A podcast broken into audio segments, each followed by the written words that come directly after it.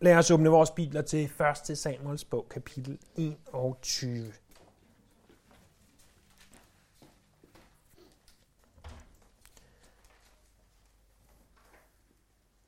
Når jeg kommer til det her kapitel, så får det mig til at tænke på superhelte. Der er noget ved de her superhelte, som, som fascinerer i hvert fald mig. Øh, og det fascinerer en hel del mennesker. Øh, hvad jeg har kunne læse mig frem til, så var den allerførste superheltefilm øh, lavet i 1920. Den hed The Mark of Zorro. Så altså, den handlede om Zorro. Selv imens 2. verdenskrig rasede rundt om i Europa, så præsterede amerikanerne at udgive ikke bare en, men hele to superheltefilm, blandt andet, eller ikke blandt andet, det var Batman og Captain America. For slet ikke at tale om 50'ernes, 60'ernes, 70'ernes og 80'ernes Superman, Spider-Man og X-Men. Alene her i 2016, der er planlagt at udkomme, og nogle af dem er allerede udkommet, syv forskellige superheltefilm. Over de næste fem år vil der udkomme omkring øh, 20 nye superheltefilm som minimum, der allerede er planlagt.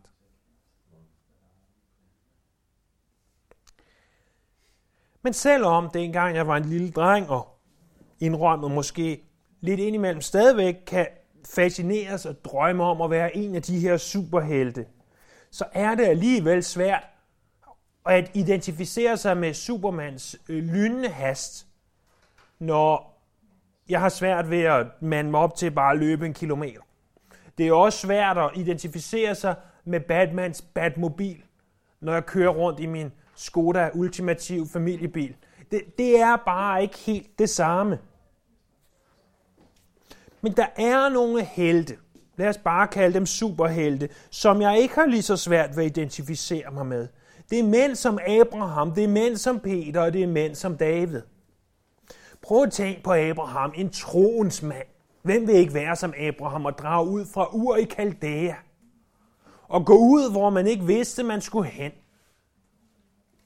imod den by, hvis, fordi han havde sine øjne på den by, hvis skaber og grundlægger er Gud.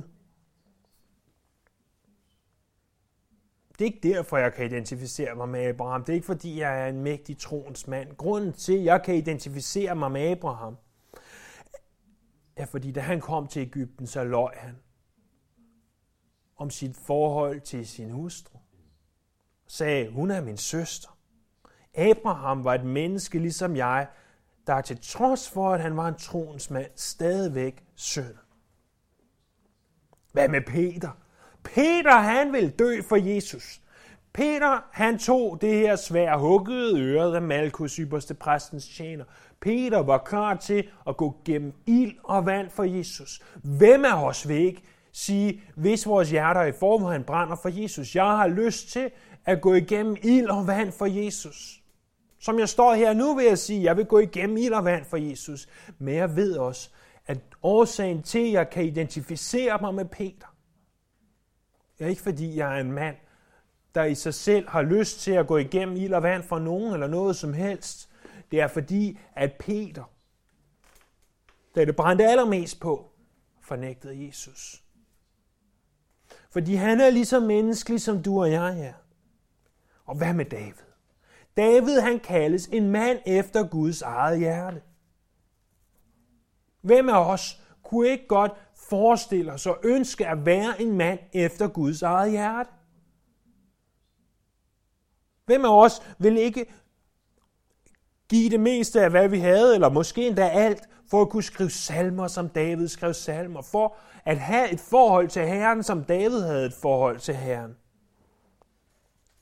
Men grunden til, at jeg kan identificere mig med David, er ikke fordi, at jeg er en mand efter Guds hjerte, som han er det, men fordi, at jeg, ligesom muligvis også du er, og ligesom David var, er en mand,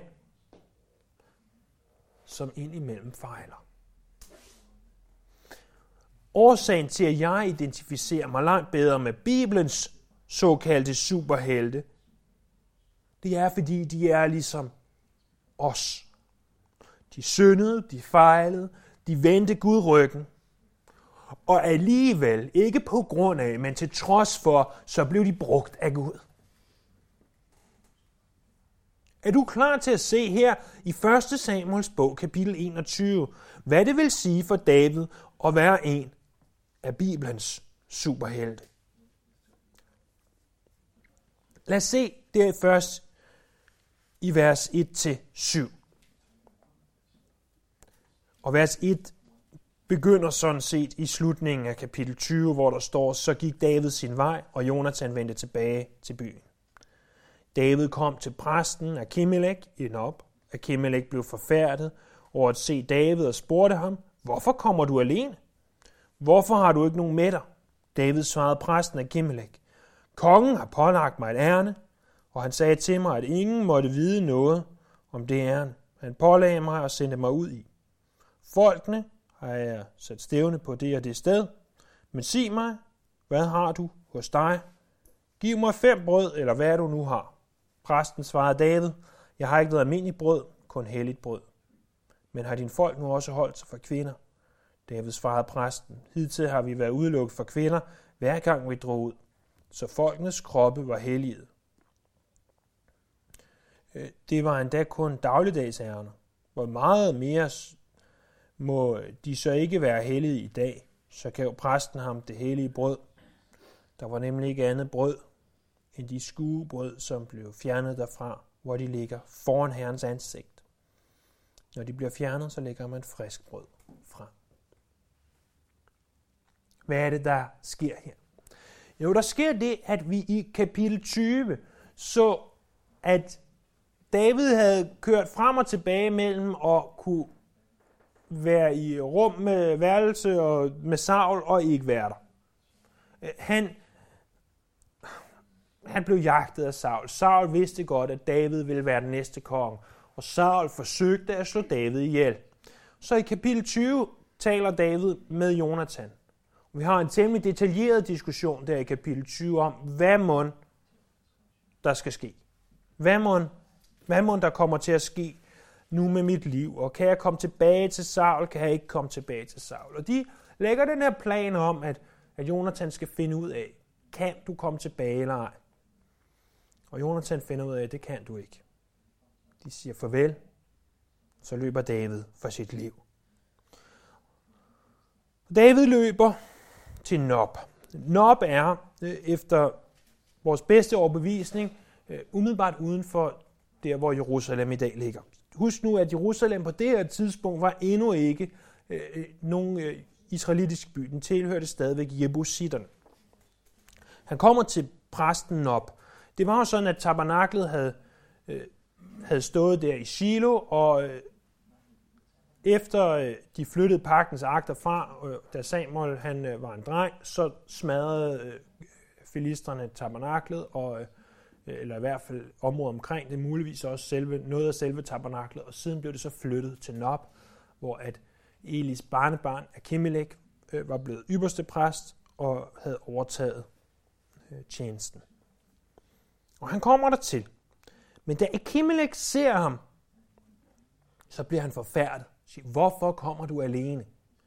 Det er muligt, at David havde nogle mænd med sig. Det, det er en lille smule uklart. Der står, at nogen var sat i stævne længere bagud. Jesus i det afsnit, der taler om det her, siger, at der var nogle mænd med ham. Øh, vi ved ikke, om de mænd var tjenere, eller øh, hvad der sker. Det er egentlig ikke det vigtigste for historien. Men David bliver forfærdet, da, øh, Akimelech bliver forfærdet, da han ser David, fordi han ved godt, der er noget galt her. Og hans forfærdelse er med rette. Fordi, som vi ser i kapitel 22, så ender det med, at en masse, masse præster kommer til at dø for Sauls hånd, fordi David dukkede op den dag. Det er derfor, han bliver forfærdet. Og så siger han, hvorfor kommer du alene? Hvad gør du her? Hvorfor har du ikke nogen med dig? Prøv at bemærke vers 3. David svarede præsten af Kimelek.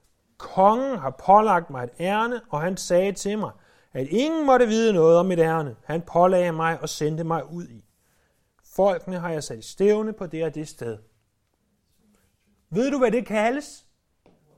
Det kaldes løgn. Det kaldes en lodret løgn. Kongen havde ikke pålagt ham noget ærende. Kongen ville slå ham ihjel. David han antog, som så mange gør det, at det er i orden at lyve, når det var for at redde sit eget liv. Men vi kan aldrig undskylde løgn. Og som vi ser i Davids tilfælde, så kommer hans løgn til at koste menneskeliv.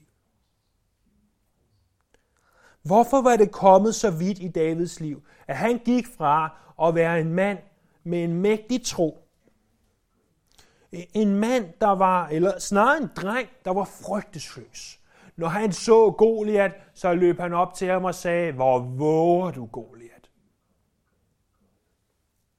Hvorfor var det, at David var kommet dertil?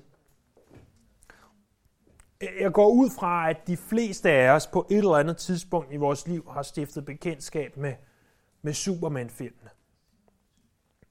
Øhm, måske er det blot noget, jeg antager, måske er det rigtigt. Men Superman, han kommer jo til synlædende fra den her anden planet, der hedder Krypton, og når han så er på jorden, så har han altså overmenneskelig styrke og egenskab. Men hvis et stykke af den her planet, som kaldes øh, krypton, og det her stykke vil kaldes kryptonit, kommer i nærheden af ham, så svækkes han fuldstændig og, og bliver nærmest sværere end, end øh, et almindeligt menneske. Og derfor så taler man om det her kryptonit, som var faren for, for Superman. David havde også noget kryptonit i sit liv. Noget, når han kom i nærheden af det, så blev han svækket så fik det ham til at gøre ting, han ellers ikke ville have gjort. Hans kryptonit kaldes F-R-Y-G-T. Frygt. Frygt. Det var hans kryptonit. Det var det, der fik ham til at lyve. Det var det, der fik ham til ikke at stole på Gud. Det var det, der fik ham til at sige, jeg bliver nødt til at lyve for at få husly og mad og våben.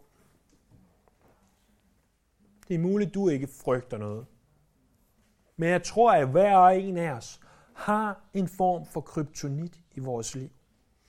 Et eller andet, der gør, at vi er villige til at gå på kompromis med vores den integritet, øh, med den integritet, vi har over for Herren, med den integritet, vi har over for andre mennesker. Gå på kompromis med vores liv med Gud. Hvad er den kryptonit for dig? Jo før du finder ud af det, jo før du finder ud af, hvad det er, du skal holde dig væk fra, jo før kan du, når du ser den, når du oplever den, bede Herrens navn om, den forsvinder. Løbe væk fra den. Øh, gør, hvad du kan for at holde dig væk fra det her.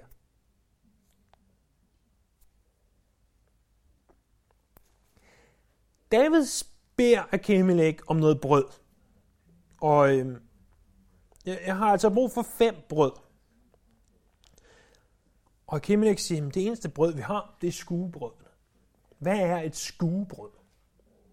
Har du nogensinde gået ind til bageren og sagt, jeg skal bede om fem skuebrød, tak?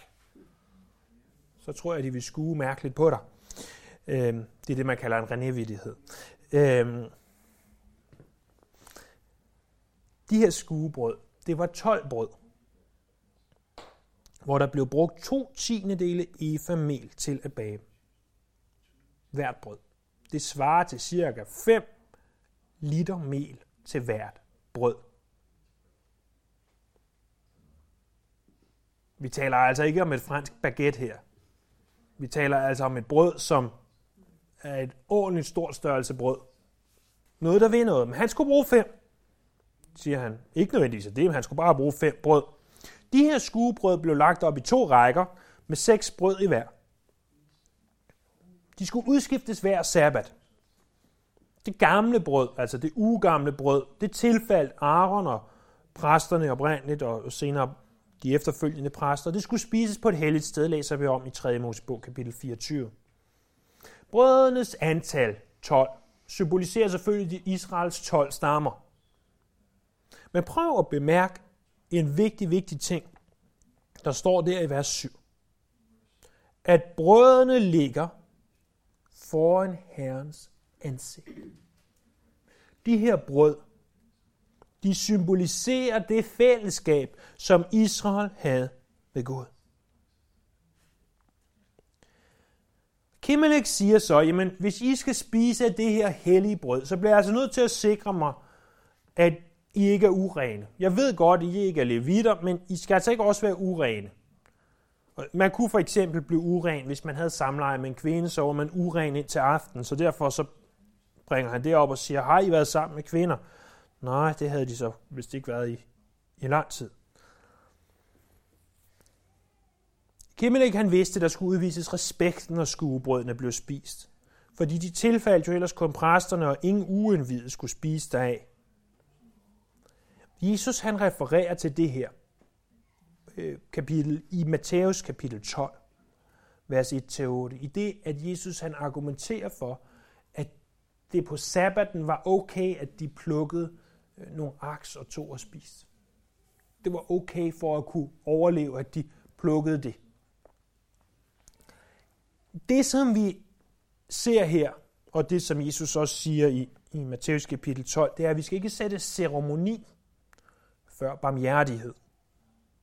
Her var et menneskeliv på spil, nemlig Davids. Han havde et eller andet behov for mad, og øh, det var altså vigtigere, at hans menneskeliv blev bibeholdt, end at overholde en eller anden form for en ceremoni.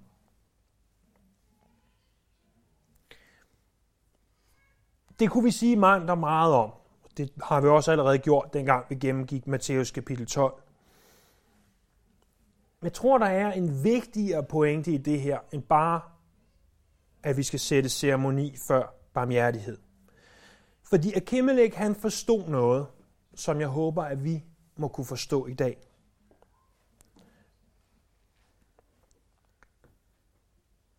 Skuebrødene gjorde ikke kun David og muligvis hans mænd, hvis der var nogle af dem, med Meget mætte, for de var nogle kæmpe brød. Men skuebrødene symboliserede fællesskab med Gud, som sagt tidligere.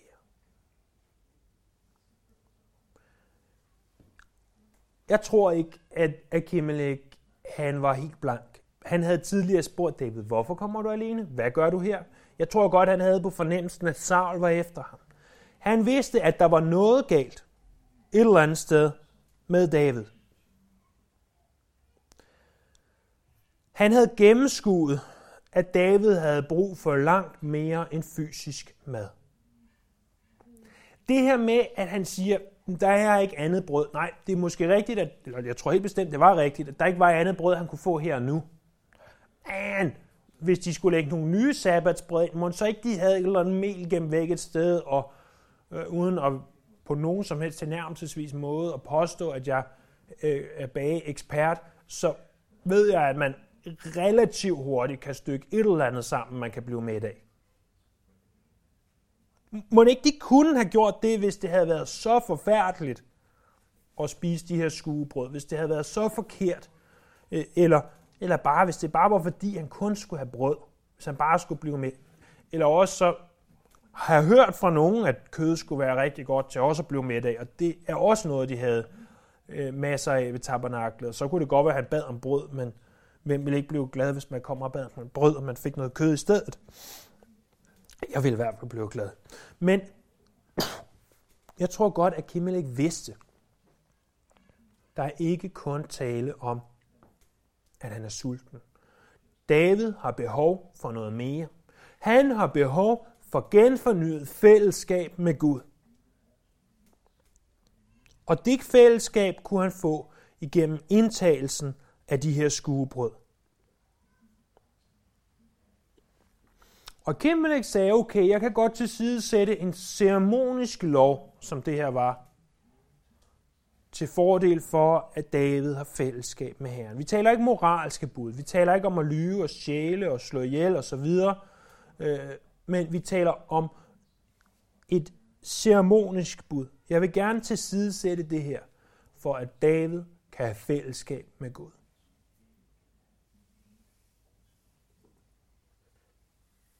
Hvad er du villig til af dine ceremonier at tilsidesætte, for at andre kan have fællesskab med Gud.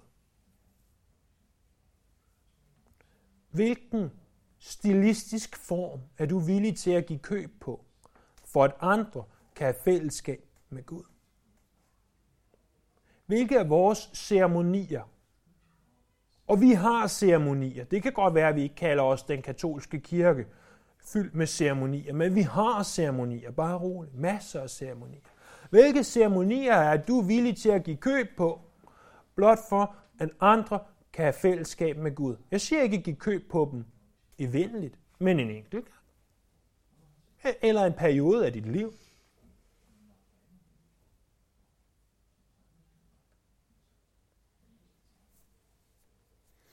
Kimmelik vidste, at David havde behov for at komme tilbage til fællesskabet med Gud, og derfor tillod han ham at spise skuebrødene, som i øvrigt på engelsk også kaldes ikke bare showbread, men the bread of presence. Så nærhedsbrødet kunne vi oversætte det til. Kommer vi til vers 8 til 10. En af Sauls mænd var netop den dag lukket inde der for herrens ansigt. Han hed Doeg og var edomit, anfører for Sauls hyrder. David sagde til Akimelech, har du ikke et spyd eller svær til rådighed? Jeg har hverken mit svær eller andre våben med mig, fordi det hastede med kongens ærne. Mm. Øh, præsten svarede, Filisteren Goliaths svær, ham du dræbte i Tjerbintedalen, ligger bag efoden indhyldet i en kappe. Vil du have det, kan du få det. Her er ikke noget andet. David svarer, der er intet svær som det. Giv mig det. ikke. Han var edomit. Edomitterne, det var Israels fjender. Det var den fætter, man ikke har lyst til kommer til fødselsdag. Edomitterne var var den onkel, man absolut ikke havde lyst til at se. Det var edomitterne.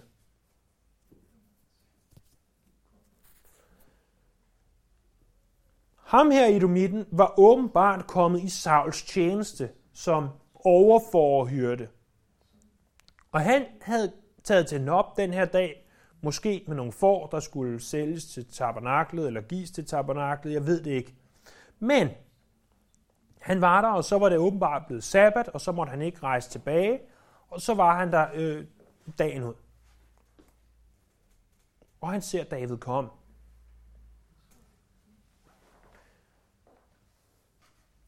Jeg tror ikke, at man, man behøver at være smadret skarp for at opfatte, at der er noget galt med ham her, ikke. Og læser vi det næste kapitel, så vil vi jo også se, at Doeg han bliver en snare, han bliver en fælde, han kommer til at, at betyde død for de her præster, og næsten også for David.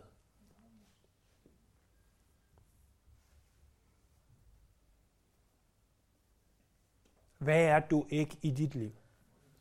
Når du kommer og siger, nu tager jeg del af de her skuebrød, nu kommer jeg ind og genfornyer mit fællesskab med Herren, så dukker du ikke op. Hver gang. Hver eneste gang, så står han der klar til at slå. Klar til at sige, der er ingen grund til, at du spiser de skuebrød, for du skal dø.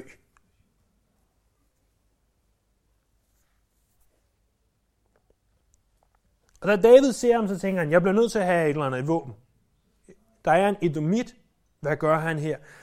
Har du ikke et spyd eller et svær? Og igen lyver han i øvrigt. Og så siger Akimelech, jo, jeg har filistren Goliaths svær. Du kan huske ham, som du slog ihjel.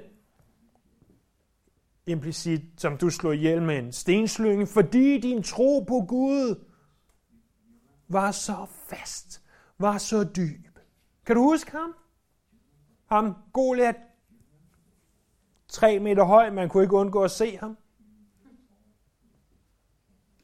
Måske hans kranie ligger herude et sted bagved, du huggede trods alt hovedet af ham og kom herop i området med det. Ham, Goliath. Og er han svær, mand? Det var super fedt. Der er ikke noget svær som det. Man kunne forestille sig, at da David var dreng, han knap nok kunne løfte det her svært. Nu var han fået lidt flere muskler og kunne måske bedre bruge sværet. Lad mig da endelig få det svær. Det er da, det er da et super godt svær at rende rundt med.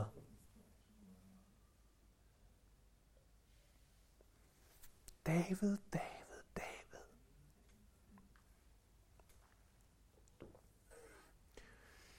Tilbage i kapitel 17, da Saul han kom med sin rustning, der talte vi om, at Sauls rustning for David var som at tage kødets våben på. Og sige, nu kæmper jeg i, i min egen kraft. Men nu gør David det, der er næsten endnu værre. Han tager Goliaths svær. Der er ikke noget svært som det. det lad, lad os bruge det. Hvad er der sket med at have tro på Gud og bruge din stenslynge? Jeg, jeg vil ved på, at David kunne på tre minutter have fabrikeret en stenslynge ud af hvad som helst. Nej, jeg skal have Goliaths svær. Jeg skal have kødets våben.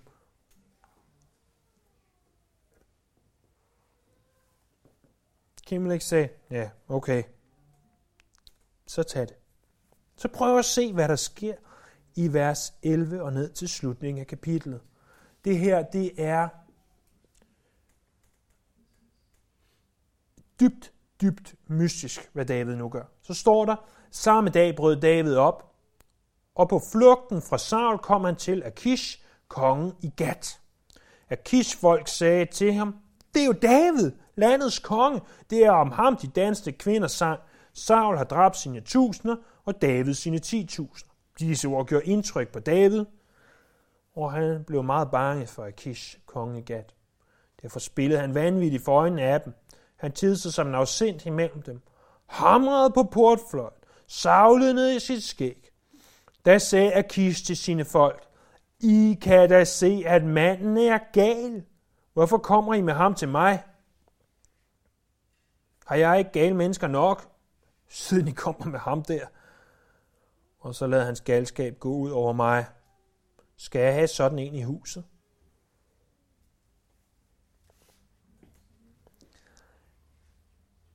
David flygter til Gat. Spørgsmål, bare for at I kan holde jer lidt vågne. Hvem kom fra Gat? Goliat kom fra Gat. Hvorfor i alverden, David, tager du til Gat, hvor at filisterne bor, hvor Goliat kom fra, og så tager du hans svær med derned. Hey, det var mig, der slog Goliat ihjel i øvrigt, og dræbte 200 af jer og to jeres forhuder for at kunne gifte mig med Israels kongers datter. Kan jeg bo her et stykke tid, eller hvordan? De vidste godt, hvem han var. De vidste en dag, at han var landets konge, siger de. De vidste, at han havde, Saul havde dræbt tusinder, David sine ti tusinder. Og øh, så står der, at han, spiller van, han bliver bange for Akish, han spiller vanvittigt, han savler i sit skæg, han slår på dørene, og så siger de, ham der, han er for vanvittig, væk med ham. Men prøv en gang at slå op i salme 56. Der er to salmer, der kaster noget lys på, hvad der skete her. Salme 56.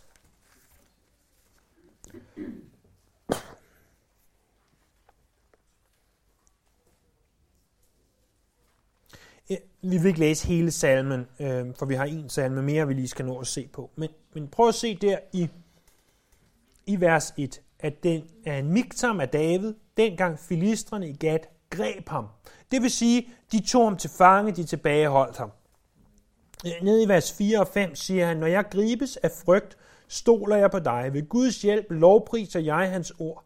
Jeg stoler på Gud og frygter ikke. Hvad kan dødelige gøre mig? Han siger, det kan godt være, at jeg har frygt, men jeg ved, at det er nødvendigt at stole på Gud. Og så i vers 9, du fører bog over min elendighed. Mine tårer er samlet i din lædersæk. De står i din bog. Gud, han har styr på vores elendighed. Gud har styr på vores tårer. De står i Guds bog. Der står også i vers 5, som vi allerede har læst, at han lovpriser Gud, eller han lovpriser hans ord. Ved Guds hjælp lovpriser han hans ord. Det står igen i vers 11. Ved Guds hjælp lovpriser jeg hans ord. Når Herren hjælper, lovpriser jeg hans ord. Og så prøv at se vers 12. Jeg stoler på Gud og frygter ikke, hvad kan mennesker gøre mig? Endelig, dager. Endelig begynder du at forstå, efter at du har gjort de tåbeligste ting, du har øh, ikke stolet på Gud, du har løjet, du har taget Goliat svær, endelig begynder du at forstå, at du er nødt til at stole på Gud.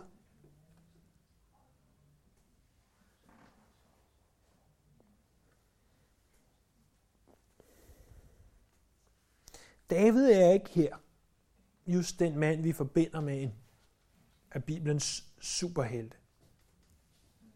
Dengang han slog Goliath ihjel. Dengang han blev salvet og sad og spillede på sin harpe og var sådan en, en gudsmand, der var han en superhelt. Men her der lyver han. Han glemmer stenslyngen og tager i stedet, i stedet Goliaths svær. Han frygter at Kish, selvom han godt vidste, at Gud ville tage sig af det, som han tidligere havde taget sig af Goliath. Hvor er det hårdt at se. Hvor gør det ondt at se en mand efter Guds hjerte begynde på de her ting.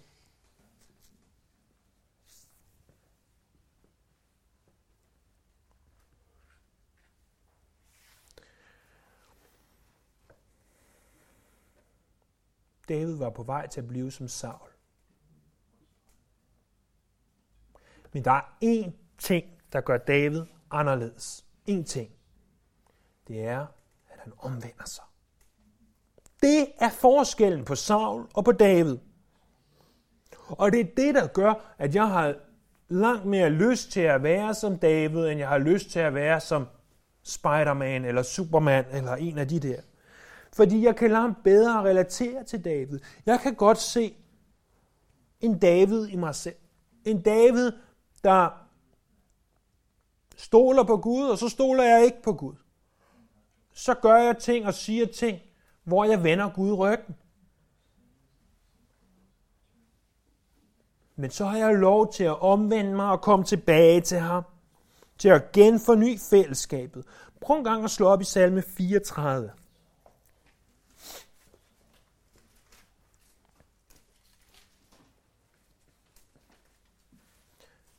Den salme indledes, dengang han spillede vanvittigt over for Abimelech, som jo ham bort derfra. Ikke Akimelech, men Abimelech. Abimelech var titlerne på kongerne nede i Filisterland. Så siger han i vers 2, Jeg vil prise Herren til alle tider. Min mund skal altid lovsynge ham.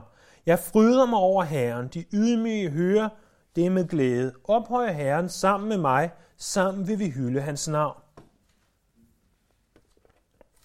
Jeg søgte Herren, og han svarede mig. Han befriede mig for al min frygt. De, som retter blikket mod ham, stråler af glæde. Deres ansigter skal ikke forgræmmes. Den hjælpeløse råbte, og Herren hørte ham. Han frelste ham af alle hans trængsler. Herrens engel leger sig omkring ham og frygter ham, og han udfrier dem. Og så kommer det. Smag og se, at Herren er god. Lykkelig den mand, der søger tilflugt hos ham.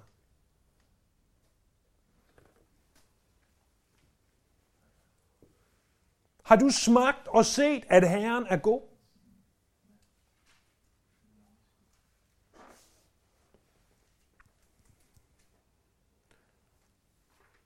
Jeg kan afsløre for jer, at om lidt, så skal vi ind, og så skal vi have boller og kage og alt muligt andet godt. Nøj, hvor ser det godt ud. Hvor har jeg lyst til at smage?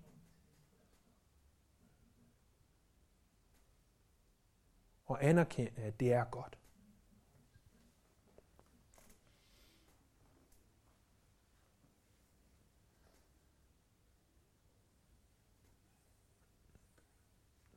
Men hvad nu, hvis de andre havde spist kagen og løbet ud af bagdøren og gået ned og købt den ting, du mindst kan lide, og lagt det der på kagefadet i stedet for.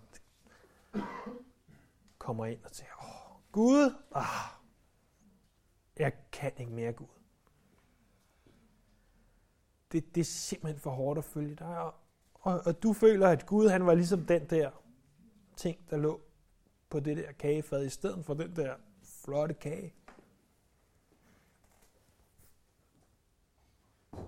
Og så tager du en bid.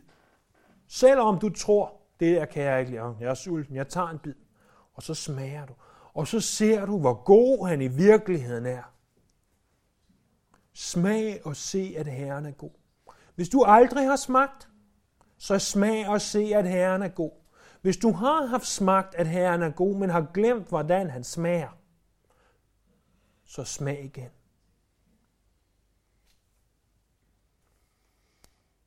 Tag af skuebrødet i dag. Tag af det fællesskab, som er så livsgivende, så nødvendigt. Smag og se, at Herren er god. Smag og se, at Herren er god.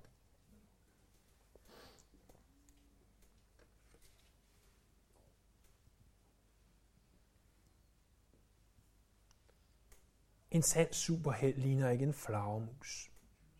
Eller kan skifte tøj i en telefonboks på få sekunder. Det er ikke en sand superhelt. En sand superhelt er en, som er villig til at smage og se, at Herren er god. Det er en sand superhelt.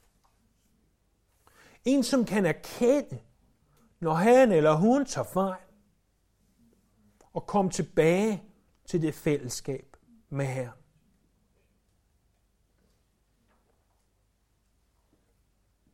Smag og se, at Herren, han er god.